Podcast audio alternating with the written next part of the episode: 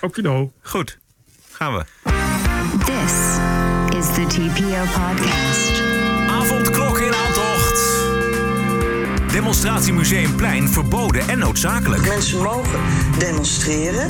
En ehm, dat is zeker in een periode waarin de overheid zich enorm veel macht toe-eigent, noodzakelijk. En einde Trump zorgt voor happy ends. There's been so much liberal happy talk this week, jerking each other off about how, oh, this is the end of the Republicans now. Aflevering 219. Ranting and Reason. Bert Bresson, Roderick Phalo. This is the award winning TPO podcast. Op maandagavond 18 januari. Goedenavond Bert. Goedenavond, Roderick. Goedenavond, luisteraars. Alles goed jongen? Ja, uitstekend. Met jou? Ook prima? Was jij nog op het eh, Museumplein? Nou, ik, nou, ik heb de hele zondagmiddag de helikopter boven mijn hoofd gehad. Oh, En dat is dan zo aardig, want dan op een gegeven moment denk je van... nou, het zal wel, weet ik, er zal wel iets zijn wat eh, te maken heeft met een overval. Want dat gebeurt heel vaak hier in de binnenstad van Amsterdam. En dan wordt een helikopter ingezet en dan gaan ze op zoek naar de overvallers. Maar toen op een gegeven moment duurde het heel lang. Dacht, wat zal er aan de hand zijn? Ik wist helemaal niet dat er een eh, demonstratie zou zijn, maar die was er wel. Daarover zometeen uitgebreid. Maar laten we het eerst eventjes hebben over de avondklok. Want eh, de Kamer en het demissionaire kabinet zijn nog wel eventjes druk met het afgetreden regering. Maar woensdag of donderdag zou er wel eens een besluit kunnen vallen over een avondklok van 8 uur s avonds tot 4 uur s morgens. Ernst Kuipers van het landelijk netwerk Acute Zorg, die zegt doen. Een bezoekverbod, avondklok, eh, eh, niet reizen buiten de regio. Wat zou u aanraden? Ik zou de combinatie aanraden. Eh, Alles. om hier echt bij weg te blijven. Is toch al wat, dan raadt u dus aan om de avondklok in te voeren heel snel. Om eh, reizen buiten de regio's te beperken. En om bezoekverbod Ja, te reizen buiten de regio's. In ieder geval, kijk, inreizen bijvoorbeeld uit gebieden waar deze variant al heel uitgebreid is. Ehm, ik, ik, met alle, de- het- alle testen wat er nu gebeurt, bijvoorbeeld hier in de haven van Rotterdam, de vrachtwagenchauffeurs die uit Engeland binnenkomen, zo, dat is buitengewoon verstandig. Mhm. Ja. Want iedereen die binnenkomt, die kan potentieel weer een extra bron zijn. eh, en weer als Mhm. een verspreider van die variant kan optreden. We hebben het hier al, Ja. maar het tempo gaat harder op het moment dat je ook door invoer van buiten nog sneller omhoog gaat. Ja, de avondklok is een alternatief voor de complete lockdown. Maar ook een avondklok eh, moet het aantal bewegingen van mensen beperken, zodat het virus zich niet Ja. verder kan verspreiden. Ja, wat ik van las is dat, dat mensen als Ernst Kuipers, eh, ja, die willen het liefst inderdaad echt zo min mogelijk bewegingen. Want die, die, die hebben enorme zorg dat die Britse variant, die is hier al, dat die nog wilder om zich heen gaat slaan. En met die variant is het zo dat je, eh, als je, als je die bewegingen niet beperkt, dan slaat die zo wild om zich heen dat je, dat je de druk op het ziekenhuis al heel snel niet meer aan kan. Dus dan zit je ja, is zijn zorg eind februari, begin maart in, eh, in eh, landelijk heel code zwart. Ja. Eh, en dat wil je niet. Nee. En dan het enige wat je daar kan doen. Eh, is, is inderdaad zoveel mogelijk zorgen dat die, dat, dat die air not onder de, onder de 1 blijft. En dat, men, en dat kan alleen als mensen zo min mogelijk naar buiten gaan. 24 uur per Ja, dag. ja. Volgens mij is alles een beetje in gereedheid gebracht. De Veiligheidsberaad van 25 burgemeesters en de politiek... die hebben al heel lang gesproken over de invoering van de avondklok. En de politievakbonden zijn erbij betrokken. En die hebben gezegd, nou, eh, het is even wat organiseren... maar het moet wel lukken voor de handhaving. En wat hebben we nog meer? Even kijken. Ja, was, bij Bruls was het toch nog niet helemaal zeker van. Wat, die, daar las ik iets over. Dat hij nog eigenlijk liever geen avondklok wil. Oké, dat kan. En wie het ook niet wil, is D66. Want dat gaat geheel tegen de principes in van D66. En eh, Rob Jetten heeft de afgelopen dagen meermalen geroepen dat, dit, dat we daar echt niet mee moeten beginnen. Ja, Jongen, D66 geen principes. Het Nou zal ja. ze zullen ze weer gevonden hebben, denk ik. Eh, ik weet niet, ik heb een, een vriend van mij woont in Frankrijk en die heeft al een aantal eh, flinke lockdowns achter de rug. En die heeft ook te maken met een dergelijke avondklok. En die gaat dan eventjes wat strenger nog in Frankrijk. Namelijk van 6 uur s avonds tot 6 uur s morgens. Niet alleen langer, Ja. maar ook strenger. Want daar wordt echt flink op gecontroleerd. Op de, op de straten en de wegen. Eh, Ja, ja, die Fransen die eh, gaan eh, altijd eh geel Franse cultuur eigenlijk lekker zuipen naar het werk. Zo, dus zo rond een uur of zes. En daar, Fles wijn open. dat was, bleek toch de afgelopen weken duidelijk zichtbaar. Dus vandaar dat ze hem nu op zes uur hebben gezet. Zodat ze ook die borreltijd meenemen. Dat gaat natuurlijk enorm schelen. Omdat dat zie je eigenlijk overal. Echt, echt de hotspot is natuurlijk nog steeds de horeca. Je- waar mensen, kijk, overal waar mensen in een gebouw bij elkaar komen, krijg je die besmettingen. Ja, horeca is natuurlijk samen met kerken ligt, ligt het meest voor de hand. Ja, en bij elkaar. Hè? Dus eh, toch, Ja. e- toch eventjes gezellig bij elkaar kruipen. En een eh, straatfeestje bouwen met een aantal mensen. Allemaal Ja. helemaal fout. Ja, eh, wat ik zelf interessant vind is om te kijken of het draagvlak er nog wel voor is. Ik denk het wel eigenlijk. Even ondanks alle demonstraties die er geweest zijn en die nog gaan komen. Maar geloof dat de meerderheid van de bevolking zich er allemaal wel bij neerlegt. En denkt van inderdaad, nou, eh, om erger te voorkomen, moet het dan maar. Zo denk ik er zelf ook over.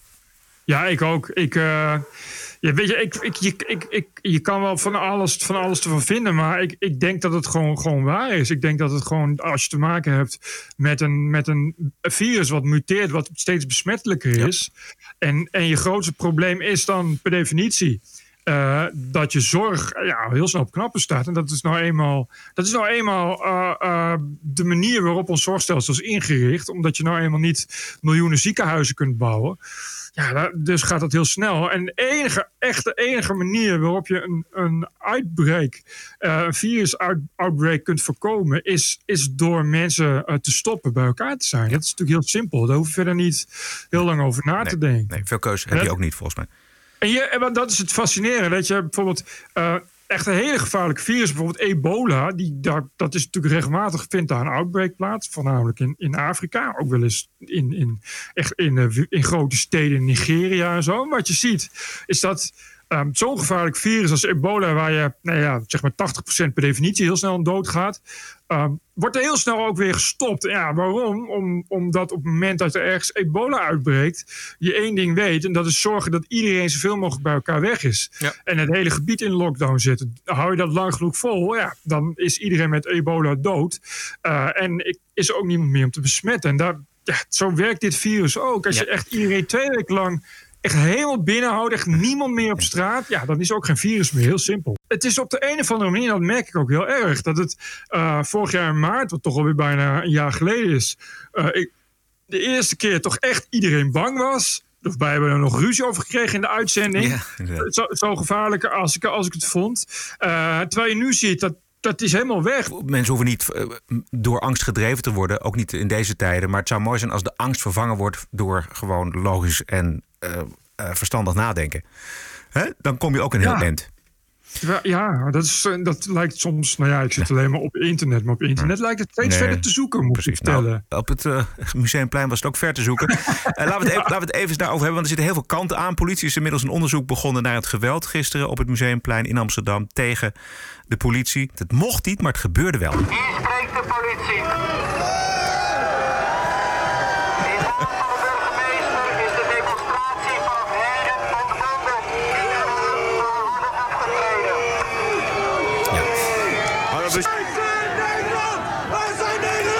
Wij zijn Nederland. Er zijn een paar zaken Ja. die we moeten bespreken, Bert. Eerst eh, Ja. het demonstratierecht. Eh, je moet in Nederland eh, doorgaans wel hele sterke argumenten hebben om een demonstratie te verbieden. De driehoek, de burgemeester, politiechef en hoofdofficier van justitie, die had een noodbevel afgekondigd. Ik zag, jij misschien ook wel, een mooie reportage van Nieuw Nieuws, de nieuwsafdeling van Ja. Geen Stijl. Even een stukje luisteren. De politie heeft opgeroepen om ja, toch weer naar huis te gaan. Ja, dat is hun probleem. Geen probleem, ja. Jullie hebben daar geen boodschap aan. Ik heb een boodschap in de grondwet. En dat betekent dat ik demonstreren mag. Ja. En daar houdt het verhaal voor mij helemaal op. Ja, dat klopt niet. Nee. Je, je- dit, zo werkt de grondwet niet. Zo werkt de grondwet wel, maar je kan niet eh, voorbij aan, aan plaatselijke verordeningen natuurlijk. Die mensen hebben wel toestemming gekregen om met 500 man in het Westerpark te gaan staan. precies. Waarom? Omdat, omdat dus corona is Ja. die het mogelijk maakt. De coronawetgeving en het huidige, en het huidige beleid erop maakt het dus mogelijk om, eh, eh, ja, om strenger te kijken, kritischer te kijken naar het demonstratierecht. En waar nodig aanpassingen in te voeren. Dat is niet zo heel raar. Want dat heeft Femke Halsema één keer eerder gedaan op de Dam. En dat is dan niet zo heel goed bevallen daarna. Maar dat heel veel mensen zeiden dat ze dat had toegelaten. Dus nou, nu is ze daar met de driehoek wel op gaan zitten. En nou, ze hebben gezegd, jullie mogen met 500 500 man in het Westerpark gestaan. Want in het Westerpark is makkelijker af te sluiten en makkelijk te begeleiden. Nou, dat hebben ze niet gedaan. Ja, dan kun je niet zeggen, ja, ik mag, ik mag demonstreren. Je mag wel demonstreren. Je moet het wel eerst aanvragen. Je moet het melden, geloof ik. Nou, het zit ingewikkeld. Ik geloof dat Femke Halsma zelf ooit heeft, goed heeft uitgelegd op de televisie... na aanleiding van de Black Lives Matter demonstratie... wat niet de bedoeling was, op de Dam in Amsterdam. Dat was 1 juni vorig jaar. En dit zei zij Ja. erover eh, op, op 1. Demonstratierecht is gegeven. Dat hoef je niet eens aan te vragen. Je mag demonstreren. Dus de- zo'n reactie van u. Je moet het wel melden. Is, ja, je moet het melden. Maar als je het niet gemeld hebt, mag je nog steeds demonstreren. Dus zo'n reactie van u is eigenlijk een beetje kinderachtig. Mensen mogen demonstreren. En ehm, dat is zeker in een periode waarin de overheid zich enorm veel macht toe-eigent. Noodzakelijk. Hè, Ik bedoel, we moeten. eh, we hebben heel veel maatregelen moeten treffen. Maar is, voor, is het demonstreren voor heel veel mensen wel hun laatste verdedigingslinie? Waar de demonstranten zich op het Museumplein gisteren in vergisten was dat er inderdaad een, wel een mogelijkheid tot te demonstreren was. Dus dat recht, dat hadden ze. Hadden ze ook gekregen. De plek werd aangewezen. Onder bijzondere omstandigheden mochten het maximaal 500 mensen zijn. En dat hebben ze dan maar zelf afgelast. En toen zijn ze naar het Museumplein gegaan. eh, afgesproken, wel degelijk afgesproken. Ja, kijk, eh, er was volgens mij vorige week een demonstratie in het Westerpark door zogenaamde antifascisten. Die hebben dat ook gedaan met grote afstand Ja. achter elkaar. Dus ja, er kan gedemonstreerd worden in Nederland. Er kan gedemonstreerd worden. Dat klopt. Wat, wat Halsema net zegt, is ook zo. Maar ik bedoel, ik, ik kan ook in jouw straat gaan demonstreren. Maar als ik met duizend mensen in jouw straat ga demonstreren. dan zegt de politie: kunnen jullie ergens anders gaan staan? Want deze straat is een doorgaande weg. En nu kan er niemand meer langs. En dan moet je niet gaan zeggen: ja, maar ik heb demonstratierecht. Dan, dan kun je net zo goed bij iemand naar binnen dringen en zeggen: ik heb recht om hier te gaan demonstreren. Dat is niet zo. Je hebt, wel, je hebt gewoon verder regels waar je aan moet houden. Demonstratierecht gaat erom dat jij ja, je, je mag uit en mag laten zien wat je doet. En als jij in je eentje op de dam gaat staan of op het museumplein, wat eh, volgens mij elke dag ook mensen doen, om, eh, om je grieven te uiten, is er helemaal niemand die er last van heeft en ook niemand die er werk van maakt. Dus ook niemand die zegt: eh, wat ben je hier aan het, wat ben je hier voor mening aan het verkondigen? Deze mening wil ik niet. Of wil je hier de mensen niet lastigvallen? Dat, dat is niet zo. Als je dat met duizend man doet in tijden van corona op een museumplein, wat ook voor andere dingen geschikt is, waar ook andere mensen zijn. En bovendien dus inderdaad eh, niet makkelijk te controleren is. Eh, in tijden van corona, en als je allemaal geen mondkapje opdoet en ook niet allemaal afstand houdt, ja, dan kun je niet verwachten dat de burgemeester of de driehoek gaat zeggen: Oké, laten we het maar, laten, eh, we laten maar gaan. Alhoewel ik natuurlijk wel begrijp dat het heel zuur is voor die mensen. Als je uh, Halsema net hoorde, toen het Black Lives Matter was, mocht het wel. En nu is het dit en dan mag het ineens niet. Dus ik begrijp wel dat die mensen daar boos over zijn. Ja. Het is enigszins hypocriet, is het wel. Maar ja, ja ze heeft wel geleerd. Zo kun je het ook zien. Precies, dat denk ik ook. Ze heeft, uh, ze heeft geleerd. Het was een beetje het geluid van de jaren 80, vond ja. ik. Uh, dit is. Uh, ja, toch het geluid van krakersrellen zou je zeggen. Hè? Dit is uh, geen woning, geen kroning, 1980, de Vondelstraatrellen. um, maar dit is gewoon, afgelopen zondag was dit het uh, Museumplein. Ik heb een kort stukje verslag van de toenmalige lokale zender Stad Radio Amsterdam. Ah. En de ja. verslaggever is volgens mij Stan van Houken, die later naar de VPRO gegaan is. Komt. Daar komt de mobiele eenheid heel voorzichtig komen ze eruit. Ze zijn, zijn bang, er wordt met vuurwerk gegooid. Er is bijna niks meer te zien, want er ontploffen nu een hele reeks uh, rookbommen. Het is hier helemaal wit. Er wordt nu met stenen gegooid. Mensen die voor de, voor de gebouwen staan worden nu in elkaar gehakt door de politie. Als slagers slaan ze erop los. ja, precies. Best, best, wel een beetje op de hand van de krakers waren ze toen. Uh, ja, no. ja, dat was uiteindelijk door de Amsterdamse bevolking, uh, die vond het maar niks. En uh, het is, radio staat behoorlijk aangerekend toen de tijd dat ze zo ongelooflijk op de hand waren van, de, van die krakers. Maar grappig is dat ik dat gisteren ook dacht. Want je zag gisteren dat die lui die waren keien uit de straat aan het frikken ja. om naar de politie te gooien. Ja. Dat is inderdaad echt enorm in de jaren tachtig. Ja. Oh, ja, je, je weg op te breken en, en uh, dat meubilaire die, en die keien te gebruiken om de politie te bekogelen. Ja. Zo zag het er wel uit, ja. ja. Volgens de politie waren er zo'n 2000 mensen gisteren, waarvan uh, zo'n 250 die geweld uh, gingen gebruiken naar de politie. Dat klonk dan zo. Ik laat me niet mijn mond snoeren. Twee waterkanonnen twee waterkanonnen nu ingezet. Dus het geweld gaat zo meteen beginnen. Politie, politie!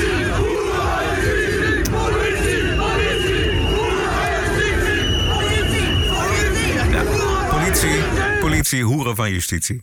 Ja, onze vrijheidsstrijders. Uh, ja, ik, wat, eh, ja, ik weet het niet. Volgens mij, eh, dat, dit, het probleem bij, bij politiegeld is dat het elke keer toch altijd vrij duidelijk van tevoren wordt aangegeven. Dat je weg moet en dat als je dat niet doet, dat de politie dan geweld gaat gebruiken. Ja, ja ik, zie nooit zo heel erg, heel erg het probleem. Dan krijg je dus dat mensen zeggen: ja, we zijn dan oude mannetjes in elkaar geslagen en zo. Maar ja, dat is niet. Het is niet dat de politie uit het niets komt en als slagers eh, op iedereen eh, eh, gaat staan inhaken, zoals Stan van Houken Nee. dat. Ik bedoel, wat je ziet is, is dat die politie, die, die geeft het eerst heel lang van tevoren aan. En daarna eh, komt er op, op, de ME doet dat altijd op een vrij duidelijk intimiderende, roffelende wijze, komt de ME. Bovendien komen er, eh, dat zijn geen kleine, kleine machines met, eh, met water. Je- dan is het duidelijk dat er iets gaat gebeuren. Als je nog steeds niet weg bent, ja, dan, dan krijg je water. En uiteindelijk zie je dus inderdaad, ME is het paard die charges uitvoeren. En dan zie je iedereen wegrennen. En wat je dan ziet, is dat er dus een groep is die dan weer terug achter die paarden aanrent. En dat zijn dus de mensen die ruzie zoeken met de politie. Precies. En dat zijn ook de mensen die het meeste gewond raken meestal. Dus, maar, maar ja, En die ik zie niet ook helemaal... vuurwerk afsteken richting die paarden. En daar niet bepaald het de sympathie van de mensen eh, mee winnen. En er zijn dus inderdaad mensen die voor die auto staan. Ze- Die gewoon helemaal, weet je, dat ze dat die auto niet Ja. kunnen verder rijden. En eh één man, ja, ik- dat had, had wel iets aandoenlijks, moet ik eerlijk zeggen. Het volk dat voor tirannen zwicht, verliest meer dan lijfvergoed en dan dooft het licht. Zo. Maar bent u niet bang dat er straks omvergereden wordt? Dat zij zo. Ja. Maar dat is toch zijn keus? Ja. We hebben toch na de Nuremberg-processen afgesproken dat we nooit meer kunnen zeggen bevel is bevel. Ik sta hier toch voor mijn vrijheid, ik sta hier toch voor de democratie van iedereen. Ja, er waren veel vergelijkingen met Ja. de Tweede Wereldoorlog gisteren ook. De Godwins eh, zijn goed op orde. En, eh, en eh, Van Randwijk kennen ze ook allemaal van buiten, Ja, geloof ik. ja, de verslaggever kennen hem niet. Maar die, Nee, die zei, precies. zo, jezus. Ja, die, die, zag, die zag ik kijken. Was dit nou Ja. voor een uitspraak? Die was toch iets te jong hiervoor, geloof ik. Ja. Wat ik bijzonder vind, daar lopen dus ook hele normale mensen tussen. Ja. En dat zijn, hele, dat zijn vaak alternatieve mensen. Dat zijn mensen die, nou, eh, die je bijna links zou kunnen noemen. Eh, die komen helemaal uit Limburg eh, hierheen om te vertellen dat er toch echt niks aan de hand is met dat corona. Als er nu iets aan de hand was, in maart toen hadden we corona, maar nu is er geen corona. Ja, en, en- en jullie zijn dus dan daardoor vandaag hierheen gekomen omdat... Helemaal uit Limburg, ja. 200 kilometer kom je even, ja niet met de fiets. Maar, eh, Maar er zijn veel mensen ziek, er liggen veel mensen op de IC. Och man, laat je niks wijsmaken. er is Er ligt iemand niemand op de arts- de artsen die, die faken alles. De artsen faken alles. Ja, die krijgen geld. Die krijgen voor iedere patiënt krijgen die 20.000 euro. En eh, Ja. Ja, dit is eh, een eh, homeopathisch arts uit Limburg. Ik zag vandaag op nieuw nieuws dat ze hem opgezocht hadden vandaag Ja. in Limburg. En ja, hij, hij staat er toch nog steeds achter. Hij eh, gelooft ook dat hij autisme kan genezen. En hij kan eigenlijk alles genezen, zegt hij. Allemaal homeopathisch. En homeopathisch, voor degene die het niet weet, is hetzelfde als 100% water. Dus het is heel knap. Het is een heel eh, knappe arts, dit. Maar ik, ik ben bang dat hij ja, iets gelooft wat een, een kleine groep, waar wel verrassend veel, maar een kleine groep mensen inderdaad ook oprecht geloven. Er zijn echt mensen die oprecht geloven dat er echt tienduizenden artsen en verplegers en, en eh, patiënten en nabestaanden en omstanders en journalisten, dat die allemaal liegen. Dat hebben ze allemaal met elkaar afgesproken als één groot complot. En die liegen elke dag dat de mensen op de IC liggen. Eh, en de artsen doen dat omdat ze dan 20.000 euro per patiënt zouden krijgen. En er zijn mensen die dat oprecht geloven, geloof ik. Maar ik weet, ik weet niet, ik heb het idee dat van die mensen die dat oprecht geloven, maar een heel klein gedeelte dat ook, ook, ook echt, echt gelooft. Ik denk dat een grote groep eh, wanhopig is en, en dan maar met iets meeloopt. Ik kan me bijna niet voorstellen dat je, dat je oprecht in zoiets gelooft. Dat is volgens mij ja, volgens mij, ja, dan, dan leid je volgens mij gewoon aan wanen. Ik kan me dat niet, niet anders voorstellen. Nee, er zijn nuances. Maar er zijn voldoende mensen, tenminste, ik hoor in mijn omgeving steeds meer mensen die dan ook mij aanspreken en zeggen: Nou, eh, eh, ik, heb, ik heb een broer of een, of een vriend en ik kan hem niet meer volgen, want hij denkt dat het allemaal één groot complot is. En dat zijn gewoon hele normale mensen die gestudeerd hebben en die gewoon eh, de boel op een rijtje Precies, zouden hebben. Telegraaf stond nog wel een, een verhaal van een fysiotherapeute, Anne. Die was dan ook aanwezig op het museumplein. En zij zegt tegen de Telegraaf dat zij met ouderen werkt en ziet hoe ernstig zij lijden onder de genomen maatregelen. Ik ben Mhm. ondanks het verbod om te demonstreren toch gekomen. De maatregelen die nu tegen het coronavirus worden genomen, gaan zo tegen alle menselijkheid in. Er is geen Mhm. noodzaak tot vaccin en mondkapjes, al dus Anne. Ja. Anne is fysiotherapeut, dus die heeft verstand van... oh nee, wacht. Nee, nee, nee, precies. Maar het gaat, het gaat niet om dat je er verstand van hebt. Het gaat om dat je natuurlijk dat je bevattelijk bent voor eh, relativering. En dat mensen zeggen, ja, ik maar het is maar... Nog steeds zeggen mensen, het is maar een griepje. Nou ja, ik zeg maar, wat, wat, ik, wat je vooral ziet is dat eh, het gros van die mensen die daar gisteren stonden ook. dus inderdaad, een kwart is, is serieus heel erg wappie. Dat zijn, eh, eh, en een andere kwart wa- waren hooligans. Dat zijn degenen die, die geweld plegen. En, en een kwart ja, waren echt QAnon-aanhanger en weet ik veel. echt platte aarde en noem het allemaal maar op. Maar die overige groep zijn mensen die ja, boos en gefrustreerd zijn over het beleid. Uh, en ze willen dat beleid niet. Uh, maar tegelijkertijd worden ze natuurlijk zelf ook geconfronteerd met een gruwelijke waarheid van dat virus. Dat als je uh, dat beleid zou opheffen, ja, dat je dan blootstaat aan dat virus. En de enige manier om daar dan mee om te gaan, is om dan maar dat virus te gaan ontkennen op een bepaalde manier. En dat gaat mondjesmaat. En dat zie je bij Thierry Baudet gebeuren. Dan krijg je dat je, ja, dan ga je. Uh, ga je, ga je hè, de, de dodencijfers en de, en de dodenoverschotcijfers ga je ineens anders interpreteren. Door veel knippen en plakken en schuiven kom je natuurlijk, kom je natuurlijk steeds een stukje verder en steeds een stapje verder. En, en ja, voor een gedeelte van die mensen is het dan ook nog eens een keer zo dat ze dan zeggen van ja, maar dan, dan zullen die IC's ook wel niet vol liggen. Dat zal dan ook wel niet waar zijn. Ik denk dat eh, wat daar ook mee te maken kan hebben bij een hoop mensen is dat dat uh, ondernemers kunnen zijn, mensen uit de horeca die uh, denken ja, het Tuurlijk. wordt ons allemaal wel heel erg somber voorgesteld en ondertussen gaat uh, mijn levenswerk naar de kloten. Nou, een groot gedeelte zegt van uh, ja, Marianne Zwageman, die stond er volgens mij, mij ook tussen, columnist van de Telegraaf. Die zegt van ja, weet je, kijk, de mensen die heel erg ziek worden en daaraan doodgaan, ja, dat is doorhoud. Dus dat, is, dat zijn mensen die, die gingen toch al dood. Dus nou ja, die moeten dan niet zo zeuren. En als je die dan mensen, als je dat virus dan laat rondwaren, nou, dan worden wel heel veel mensen ziek. Maar de mensen die toch al te ziek waren om verder te leven, sterven dan, nou, dan is het virus voorbij.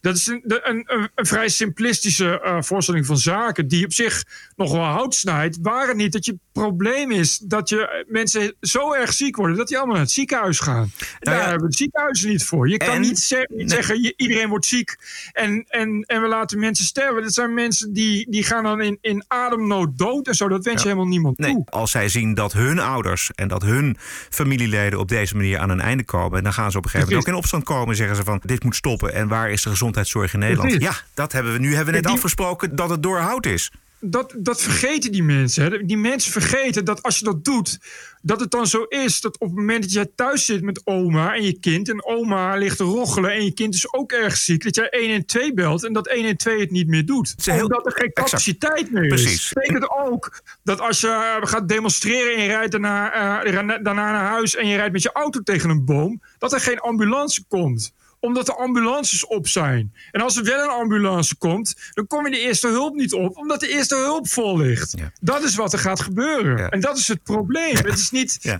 En je kan, maar dat is altijd zo bij, bij. Het wordt altijd gesimplificeerd als. Ach ja, doodgaan. Iedereen gaat wel een keer dood. Weet je wel? Ja, maar het is niet zo simpel. Mensen gaan niet ineens dood. Mensen die willen niet heel lang lijden en dan gaan ze pas dood, bijvoorbeeld. Ja. En uh, soms kan het jaren duren voordat iemand doodgaat. En daar hebben we nou juist de gezondheidszorg voor gevonden om dat zoveel mogelijk te voorkomen. En als het niet zo is, om zoveel mogelijk die pijn te bestrijden. Als je uh, alle artsen uitschakelt doordat de druk te groot is, gaan heel veel mensen heel erg lijden. Om nog maar te zwijgen over het feit dat dan binnen no time de helft van je maatschappij überhaupt niks meer kan. Omdat niemand kan werken en ziek thuis zit. We gaan uh, naar de Wokweek toe. Yes! Yes! Komt ie. Duurt eventjes, maar... I was offended and I have rights. TPO Podcast. You're an adult. Grow up. Deal with it. Best wel weer een drukke Wokweek. In de Wokweek kijken we naar mensen, bedrijven, instanties... die zich een slag in de ronde deugen of laf capituleren... voor de terreur van de identiteitsideologie. En de kindertoeslagenaffaire is, blijkt een vliegwiel voor de bureaus... die eh, trainingen geven over discriminatie en vooroordelen. Want volgens demissionair premier Rutte... moeten medewerkers van de Belastingdienst... en andere overheidsorganisaties naar zo'n training toe. Wat ik raar vind, want er is weliswaar etnisch geprofileerd bij het opsporen van de fraude. Maar dat was ook nadrukkelijk de bedoeling. Dat was ook de opdracht volgens mij. Men zocht naar mensen met een buitenlandse achternaam naar aanleiding van de fraude door de Bulgaren. Daar is het mee begonnen, weet je wel? Die, die, die het kwetsbare systeem gebruikte als pinautomaat. Daar was toen enorm veel ophef over. Discriminatie en etnisch profileren is niet oké, nee. Maar wat moet ik doen als belastingman ambtenaar op een cursus als mijn opdracht was om te zoeken naar buitenlandse namen? Nou ja, ik, ik, het is natuurlijk ook, ik vond het een heel laffig maniertje van Rutte om, om maar weer eens wat schuld buiten zijn schoenen te plaatsen. Ja. Nu, Ineens doen, nu ineens doen alsof het aan uh, toch al niet bestaande uh, onbewust racisme ligt. Uh, weet je, en dat is natuurlijk makkelijk om de aandacht vanaf te leggen. Want hij weet natuurlijk als donder dat dat, dat, dat, een, dat, dat een heet thema is. En dat er heel veel groepen zijn in de samenleving die erop springen. Precies, het zal wel daar aan liggen voor een deel. Je hebt de organisatie Control Delete. Dat is zo'n zo'n obscure organisatie die zich bezighoudt met etnisch profileren en racistisch politiegeweld, zoiets. Of, of, of uh, online racisme, weet ik veel wat. Gewoon zo'n zo een van de vele subsidiestichtingen. Ja, die komen dan weer uitgebreid aan het woord. En die nemen dan natuurlijk direct van de gelegenheid gebruik om, om, om te vertellen van ja, maar dit is nog maar het topje van de ijsberg. Want we moeten juist laten zien dat het systematische racisme in ons land uh, wijdverbreid is. Bla, bla, bla, bla, bla. Precies wat Rutte natuurlijk weet wat er gaat gebeuren. En nu gaat het dus niet meer over Rutte en over uh, het kabinet wat mede verantwoordelijk is voor die toeslagenaffaire. Maar over over zogenaamd uh, systematisch racisme in ons land en onbewuste vooroordelen bij ambtenaren. Begrijp je wel? Waar een hoop geld aan te verdienen valt voor deze bureaus. Waar ook nog eens heel ja. veel geld aan te verdienen valt. Ja. ja. Wij van de TPO-podcast maakten op 14 december in de Wokweek al melding van een Britse tv-presentator, James Wong, die het Britse tuinieren al helemaal fout en verkeerd had verklaard. Uh, namelijk koloniaal en racistisch. En daar heeft zich nu een hoogleraar bijgevoegd. En uh, staat het nieuws ook in uh, de Nederlandse kranten. En mevrouw uh, Corine Fowler is hoogleraar postkoloniale literatuur. Ja. En ja, dan is er eigenlijk geen ontkomen meer aan. Ja, dan weet je het eigenlijk ook al wel wat er gaat komen. Maar ga je gang. Het Engelse platteland is doordrenkt van racisme. Of het nu gaat om uh, tuinieren, volksdansen of landhuizen. Die zijn gebouwd met de opbrengsten van slavernij. Of de fazantenjacht. Dat vond ik een van de mooiste. De liefde voor de fazant is volgens haar een vorm van culturele toe-eigening. Omdat het van oorsprong een Aziatische vogel is. Ja. Fazanten zijn ook racisten. Dat je het even weet. Zo kun je dus niks meer eten, want alles komt wel van buiten. Ik durf ook bijna niks meer te bestellen bij bijvoorbeeld de, de afhaaltaai hier in Amsterdam. Zijn je nou taai? Ja. Zijn nou taai? Dat mag niet. Dat is, dat is echt heel racistisch. Ook de liefde voor tuinen is wat Fowler betreft problematisch. Die is van oudsher elitair, beweert ze. Kennis over tuinen en planten, in het bijzonder botanie, heeft diepe koloniale resonanties. Het verzamelen van planten en zaden vanuit de koloniën was immers een geliefde bezigheid in de dagen van het Britse Wereldrijk. Het catalogiseren van planten, zo stelde de academicus, vertoonde overeenkomsten met de rassenleer. Inderdaad, ik ga even, als jij even uh, met je hoofd op tafel uh, het desk, dan uh, ga ik even tuinieren. Want ik heb, ik heb nooit iets met tuinieren gehad. terwijl ik hier toch echt tegenwoordig een pracht van een tuin heb. Bovendien ook regen, regen genoeg, dus daar ligt het niet aan.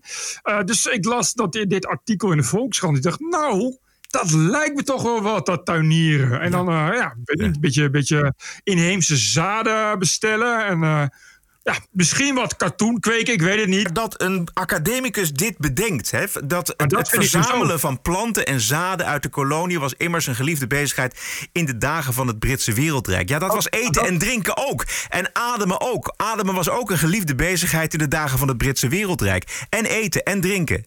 Gaan we dat nu niet meer doen? Ik hoop dat tuinieren nu wordt verboden. Dat zou, uh, dat zou mooi zijn. Dat is toch, uh, dat, dat, weet je, gewoon, dat gewoon miljoenen, miljoenen Engelsen, dit is toch echt een Britse hobby ten voeten uit, uh, gewoon nu gaan stoppen. Massaal hun harken en schoffels op een brandstapel gooien en een statement maken tegen racisme. Door nooit meer te tuineren, hup wilde tuin, hup brandnetels. Uh, maar ik, uh, ik ben het met je eens. Ik, ik, het, het zorgwekkende is dat dit soort dingen, dit, dat dit dus gezien wordt als wetenschap. Het is activisme en daar is een wetenschap omheen verzonnen. Deze mevrouw is natuurlijk geen wetenschapper en hoogleraar. Deze mevrouw is activist en misbruikt haar vak van A tot Z heeft, om, ja. om activisme te kunnen bedrijven. En ja. dat is gewoon heel kwalijk. Ja. En ik vind dat je daar iets van moet zeggen. Ja, maar dat, de nou, dat doen wij dus hier. Maar dit, deze mevrouw heeft uh, ongelooflijk veel invloed. Grote invloed op de National Trust, lees ik. En die National Trust, dat is een stichting die waakt over een groot deel van het nationale erfgoed van Groot-Brittannië. En die doet onderzoek naar het verleden van historische figuren en van kastelen en landgoederen. Dat gebeurt allemaal al. Zij zoekt bewijzen voor haar eigen uh, vooroordelen, haar eigen gedachten, haar eigen theorie. Ze gaat gewoon op zoek naar bewijs en zo krijgt ze de boel rond. Maar het is gewoon geen wetenschap. Nee, het is, het, is, nee. het, het is een schande dat dit soort mensen hoogleraar zijn. Het is sowieso een schande dat, dat postkoloniale literatuur... dat dat wetenschap wordt genoemd. Ik ben er zo klaar mee. Ik vind dat ze maar eens moeten ophouden... met al die achterlijke gamma-wetenschappen... die, die, uh, die alleen maar geneuzel en een marge opleveren... en kennelijk als enige taak nog hebben... om uh, het postmodernisme nog maar eens een extra zwengel te geven. Ja, ja. Er moeten ook weer bekende historische figuren aan. Uh, mensen als Kipling, bijvoorbeeld Rudyard Kipling. Oh, ja. En The Jungle Book mag niet. En The mm. Glory of Garden heeft zijn onschuld verloren. Rudyard Kipling heeft een van de mooiste gedichten geschreven uit de geschiedenis van de Britse literatuur. Heel klein stukje. Ik, we gaan hem helemaal in zijn geheel draaien. Aan, helemaal aan het eind van de podcast. Eventjes Oh. een, een preview. If you can keep your head when all about you are losing theirs and blaming it on you. If you can trust yourself when all men doubt you. Zometeen het hele gedicht if aan het eind van de podcast. Een ander dingetje. De Wereldgezondheidsorganisatie die heeft opgeroepen dat we het niet meer mogen hebben, Bert. Knoop het in je oren over de Britse variant. Hebben we nu al een paar keer genoemd. een paar keer genoemd in de, in de podcast. Ja. Mag niet meer. Want stigmatiserend. Volkskrant schrijft als volgt: Het aanduiden van ziektes met hun land van herkomst zou maar stigmatiseren en gemeenschappen en economieën kunnen schaden. Vandaar dat de Britse variant officieel B1.1.7 dient te heten. Al dus de WHO. Nee, Ja. er echt? Ja, echt waar. en het mag ook, je mag het ook niet over de Zuid-Afrikaanse variant hebben. En ook niet over de Amazon of de Braziliaanse variant. Het mag allemaal niet van de WHO. Maar bij de Volkskrant weten ze ook wel dat het allemaal niet werkt. Dus ze zeggen ja, dat gaat niet werken. Want mensen onthouden niet 1.1.7. Nee, dat klopt. Ze onthouden gewoon de Britse variant en, Ja. de, en de Mexicaanse griep. Ik weet nog dat eh, met name RTL Nieuws, het spijt me dat die zo vaak voorbij komen, maar als het gaat om huilie huilie, dan eh, is ja. RTL Nieuws een grote grossierder online. Eh, die hadden iemand gevonden die heette Corona. En die mocht uitgebreid uit de doeken doen hoe haar leven werd verpest door corona. En dat was dus nog voor, ja, dat er iemand die heette corona. Dat is inderdaad heel vervelend als je corona heet. Terwijl ik, dacht- ik dacht van, hoe moet het zijn als je ISIS heet? Ik bedoel, als we daar toch over gaan hebben, heb nog nooit iemand horen dat we ISIS niet mogen gebruiken.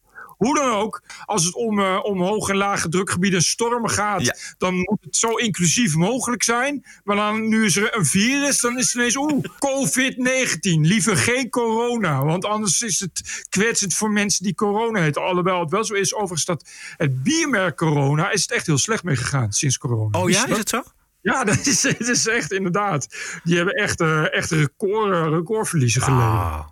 Ik, ik heb hem nog wel eens herontdekt tijdens de coronatijd. Ja, Ik vond een lekker ook. Ik biertje, man. Supergoed ik biertje. dacht ook van, het is juist een goede reclame. Maar Ja, ja, dat, ja. Nee, ja, wat is wat je kent, dan krijgen hele kortzichtige mensen, die zijn er genoeg. Die denken dan echt van, oh, corona, dat is eng. Die drinken Nee, maar ik- ik weet een beetje, kijk, dan is het toch China, dan begrijp je nog. Dat, ja, dat zijn er toch 1 miljard. En eh, ja, voor de, voor de, voor de racisme-roepers zijn dat toch nog een beetje zielige mensen. Want dat is toch nog een soort van allochtonen. Ja. Maar het, het Britse, de Britse mutatie, dat je nou nu ook nog heel zielig moet gaan vinden voor Groot-Brittannië. Dat de Britten zo worden gekwetst. Dat zijn dezelfde mensen die een jaar lang niks anders hebben gedaan dan alle Britten uitschelden voor tokkies. Omdat ze voor Brexit hebben gekozen. en, nu heet het, het, en nu heet het de Britse mutatie. En is ineens Ja. allemaal heel erg zielig voor al die Ja. arme Britten. Dat ze in verband worden gebracht met een mutatie. Oh, Bert, wat leven we toch in een absurde tijd. Kijk, ik vind het leuk dat we het allemaal noemen. Maar we moeten het ook niet al te serieus nemen. We moeten er vooral om lachen en deze, eh, het- de idiotie ervan ook erkennen. Eh, niet dat die mensen niet serieus zijn en dat ze het niet gemeend hebben en dat ze niet op vernietiging uit zijn. Maar het, het, het, het is ook een wapen om er om te lachen. En te zeggen, je bent niet goed bij je hoofd. Eens. Jij had er nog één. Eh, ja, ehm, de NOS publiceerde op 14 januari eh, een, een, een, ja, een vragenlijst. Dat heet 17 maart naar de stembus. Geef nu vast je mening over de politiek. En dan kun je online kun je een vragenlijst invullen. Zodat de NOS dan kan, dan, ja, weet ik niet, die willen gaan harvesten hoe Nederland erbij staat qua politiek. Verder niks bijzonders. Eh, maar in die vragenlijst hebben ze vragen. En één van die vragen was. Eh, geef, even kijken, over welk van de onderstaande antwoorden heb je het meeste zorgen? Eh, de volgorde is willekeurig, geeft maximaal drie antwoorden. En eh, nou, daar staat er dus onder andere staat er dus, dus ja, terreur en, en, en, en, en klimaat en immigratie, maar ook islam. Dus een van die antwoorden is, is islam. Over welk van heb je de meeste zorgen? Nou, islam. Nou, er zullen een hoop mensen zijn in Nederland die, eh, die een hoop zorgen hebben over islam. Dus terecht van de NOS hè, dat ze zo inclusief zijn, dat ze ook die mensen in de vragenlijst meenemen. Maar je raadt het nooit, hè? Ja. Je raadt het nooit. Ja, het moest dat eruit. mocht natuurlijk Nee. niet. Nee. Dat mocht natuurlijk niet. En van wie niet? Eh, van Twitter en boos Oh, Twitter. gewoon, oké, eh, nou, en mensen. Nu heeft er Marcel Geloof. Ja, nu heeft Marcel Geloof een. eh, eh, op over.nos.nl een uitgebreid artikel gepubliceerd. waarin hij eh, nou, uitlegt en een beetje excuses zo aanbiedt. En dat ga ik even voorlezen. Eh, de NOS heeft al meerdere malen een publieksonderzoek gehouden in aanloop naar de verkiezingen. Dat doen we elk jaar. De bedoeling daarvan is niet om tot een representatieve enquête te komen, maar een beter beeld te krijgen van wat er in de samenleving loopt. In dit onderzoek hebben we onder meer de vraag gesteld waar mensen zich zorgen over maken. We hebben daarbij de belangrijkste speerpunten van politieke partijen opgenomen om zo ons publiek de kans te geven zich hierin te herkennen. Omdat er politieke partijen zijn die zich zorgen maken over de invloed van islam, staat deze daarbij ook vermeld. Maar op social media krijgen we daar nu veel reacties en kritiek op. Dat begrijpen we wel als we die reacties lezen. Het is daarom goed om hier nadrukkelijk te zeggen dat we als, redactie met het opnemen van het woord islam niet doelen op het geloof zelf. Maar het is een feit dat een deel van Nederland zorgen heeft over de invloed van de islam. Die bezorgd bestaat en daar willen we vanuit onze journalistieke opdracht meer inzicht in hebben over berichten. Het was wel beter geweest als we dat anders hadden geformuleerd. Bijvoorbeeld door islamitische invloeden in de vragenlijst op te nemen. Wat ik interessant vind, hij maakt dus een verschil tussen de islam en islamitische invloeden. Nou, dat zegt hij nu. Hij zegt van het was beter geweest als we het islamitische invloeden hadden benoemd in plaats van islam. Oh. Ja, ja, de islam, dan zegt hij de hele islam. Terwijl... Daar ging dan de kritiek over. Ja, ja. precies, ja, ja, ja. Nou ja, toch heeft hij zijn, eh, zijn poot recht gehouden. Nee, dat wel. Ik zou dat gewoon negeren. Dan moet je een beetje dan, ja, bedoel, ja. wat- Nee, joh, het is goed, het is goed. Het, bedoel, het is prima als er een hoop mensen zijn die zich daar druk over maken om dat, dat debat aan te gaan. Dat vind ik helemaal niet. Maar jij ziet er denk ik een soort capituleren in of iets op zijn knieën gaan en uitleggen. Maar ik zie het ook als eh, het debat aangaan. Vind ik, ik vind het niet erg. Nee, oké. Mogen we daarover van mening verschillen? Dat mag. Nee! Mag dat, Bert? Nee! Ja, nee, dat mag. Dat mag. Nee, dat mag wel. Goed zo. Ik denk, dit was, Wat zeg je? Nee, dit was het qua woke. Oké, dat is goed. Goed zo. Ik had al wat ingestart. Gaan we nog een keer. Ja, sorry. TPO Podcast. Geen subsidie, geen commerciële invloed. De TPO-podcast is onafhankelijk geluid en bestaat dankzij donaties, ondersteuningen van u. Twee keer per week. Ranting and Reason. En één keer per week, elke maandagavond, kijken wij wat de waarde van de twee afleveringen van die week is. Kijk welke waarde de podcast voor jou heeft. Zet er zelf een prijskaartje op en doneer dat aan ons via tpo.nl slash podcast. En de toelichtingen, het commentaar mag per e-mail info.tpo.nl. Zijn we uit de kosten deze week, Bert? Laat ik het dan zo vragen. nou ja, we zijn nooit helemaal uit de kosten. Er kan altijd meer bij. Maar je mag ook niet klagen. Eh, Nederland is toch meestal een armlastig land. Hè? Het is eh, coronatijd en, Ja, eh, en eh, niemand heeft heel veel geld over. En er wordt toch nog steeds aan ons gedoneerd. Terwijl Geweldig. er zijn ook heel veel goede doelen waar je ook aan kan doneren. Ja. En ze doneren aan de TPO podcast, wat natuurlijk ook een goed doel is. Maar wat dat betreft mogen we niet klagen. Ik heb er maar één, zie ik. Het Oh. kan zijn dat ik weer, weer eens heb vergeten op te slaan. Maar goed. Dat is niet aardig voor al die mensen die dan hebben geschreven. Nou, soms gaat er wel eens één mis. Ik zal even. eh, nee, ik, ik- dan, me- meestal kom ik, mailen ze dan terug en dan komt de week daarna de bal weer op. Deze is van Jeroen Vriend. Heren, eindelijk een woord bij een eerdere belofte. Heb 104 overgemaakt om jullie te steunen om het nieuws net even scherper en onderbouwd te duiden.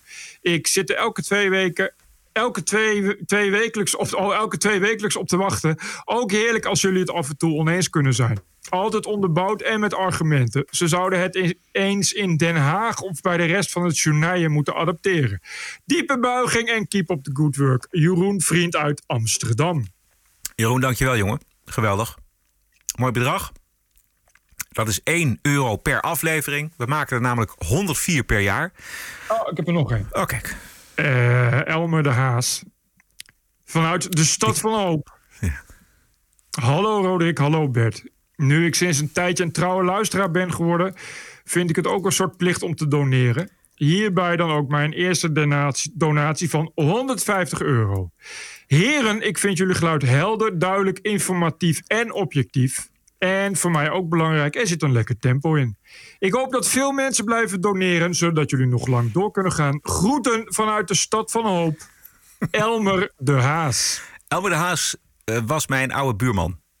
Oh, dat is zo. Ja, ontzettend leuk. En die zei een keer van, wat doe je toch? En toen zei ik, maak podcasten. Oh, leuk. Laten we eens even luisteren. En hij begon er af en toe eentje te luisteren. Maar inmiddels kan hij niet meer eh, eentje missen. Dus eh, hij is geabonneerd. En Geweldig. luistert via iTunes en via Spotify. Allebei. Heel goed, Elmer. Heel goed, Elmer. Dankjewel. Blijf luisteren. Zeer goed. Ehm, heeft u bijvoorbeeld een bedrijf? Of vindt u het leuk dat wij uw product of uw dienst bespreken? Dat doen wij dan gewoon. Als u ons ondersteunt met een donatie, doen we dat helemaal. Heel graag. Ik zou zeggen, mail ons via info.tpo.nl. En waarderen en doneren kan op tpo.nl slash podcast.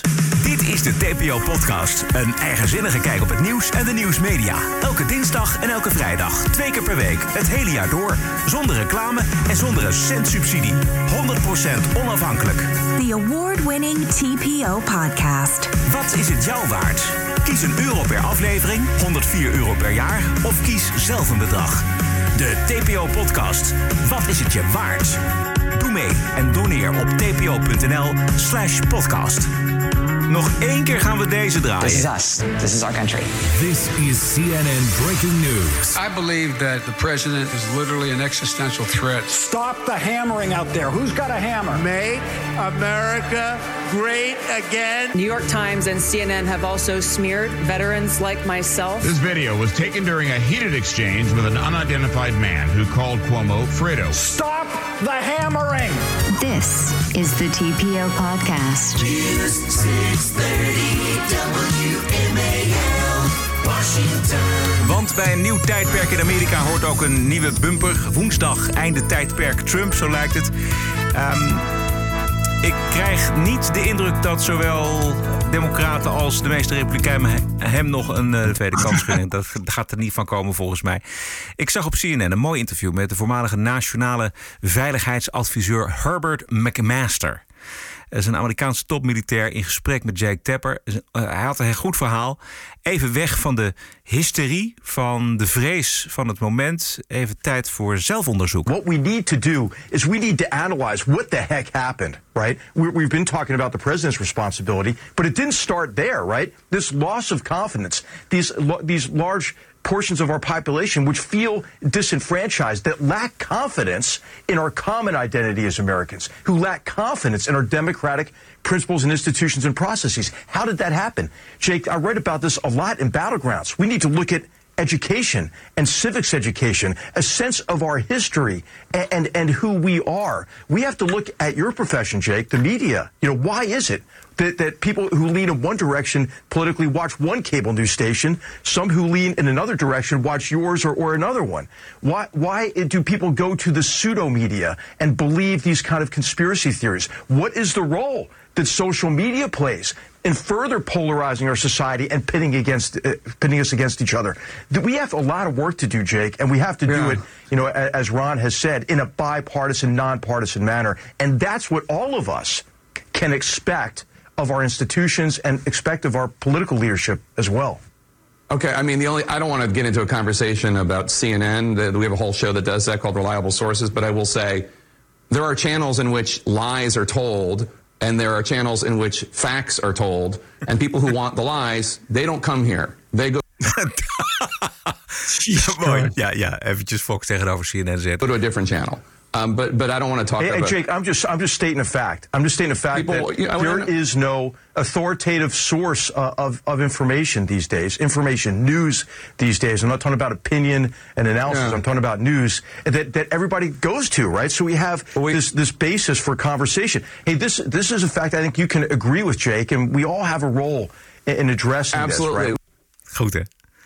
Ja, terwijl die gast die begint, die heeft gewoon echt een goed verhaal. Ja, zeker. En hij pakt alles, iedereen erbij, ook de media. En daar moet Jack Tapper natuurlijk niks van weten.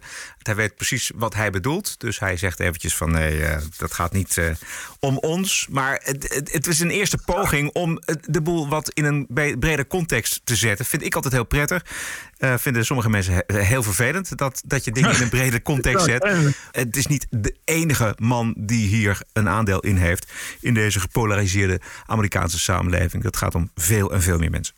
Ja, maar Jack Tapper onderschrijft nou precies het punt wat die ander maakt, zou ik zeggen. Ja. Point teken, want uh, uh, dat is precies dit is dus wat hij bedoelt. Mensen die, die het niet lukt om verder te kijken dan, dan, hun, eigen, dan hun eigen gelijk. Ja. Hun eigen klein universum. Ja, ja, dus, dus ja. Door, door, want die andere zegt nog van ja, nou ja, het land is verdeeld. Dus de ene die gaat, die gaat naar de ene zender, de andere naar de andere. Uh, nou, dan zegt Jack Tapper, oh, ja, je moet natuurlijk uh, zien en uh, weet je. Ja. Ja, ja. Dat is precies het probleem. Precies, precies exact. Probleem. Ja. Er waren spaarzame momenten in de Amerikaanse media. Bill Mayer uh, had ook een goed verhaal. Let's not confuse 5,000 people with 74 million. There's a difference between holding illiberal beliefs and acting violently on them. How do Americans, all of us, learn to share a country with assholes you can't stand? I've preached and still do that you can hate Trump but not all the people who like him. Heer, heer. Ja. ja zoals gewoonlijk Bill Maher. Bill, je moet zeggen Maher, geloof ik. Maher, ja. Bill, Bill Maher. Nee, maar zoals gewoonlijk zit hij daar uh, qua liberaal... Uh, heeft hij dat al heel goed begrepen. Je kan niet dan... dan als je liberaal wil zijn, zoals, zoals hij in, in, de, in de scene waarin hij zit... Dan kun, je, dan kun je niet iedereen dan ineens maar over één kam scheren. Het einde van president Trump is voor veel progressieve toch een soort happy end. There's been so much liberal happy talk this week, jerking each other off about how, oh, this is the end of the Republicans now. Yeah, just like Watergate was the end of the Republicans, and Bush after Katrina was, and now it's Trump. Please, 74 million Trump voters are not self deporting, and neither are we. One of the casualties in this attack on the Capitol this month was Ashley Babbitt. She was a Trump loving small business owner. She had a pool cleaning company right down the road here in San Diego. She was an Air Force vet who served in Iraq and Afghanistan, and she lost her life trying to prevent Biden from becoming president, even though she had voted for the Obama Biden ticket not that long ago. She is the tragedy of the modern Republican voter personified, pissed off at the greed and corruption that, yes, has squeezed the middle class hard. She was in financial trouble because, in order to keep her business afloat, she resorted to a short term loan with an interest rate of 169%. All she knew was that she lives in a state that seems to care more about her toxic whiteness than her toxic brokenness. And that the state that's run entirely by Democrats? Yeah, they didn't stop anyone from charging her 169% interest on a loan either. It shouldn't be that surprising that America is full of fed up, unhappy people who just want to break shit. Trump sure didn't drain any swamps, but when it comes to graft and corruption and everybody wetting his beak, California, yeah, that's a swamp too. California is a blue state that is completely held together by red tape.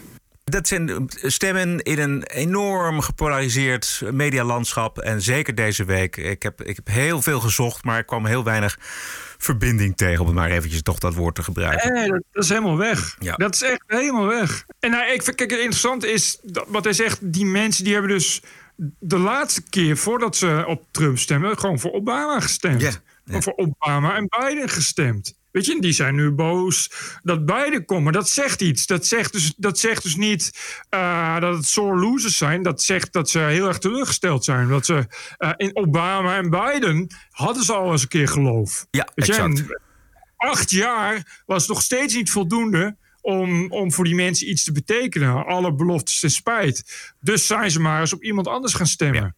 is dat zo raar? Ja. En daarvan zijn er heel veel van. En als je wil, wil healen en als je eh, wil voorkomen dat het land voor de komende vier jaar één grote warzone blijft. En dat je in, eh, in, in, elke eh, belangrijke stad voor de rest van de komende vier jaar de, de National Guard niet eens kunt terugtrekken uit angst voor dreigingen.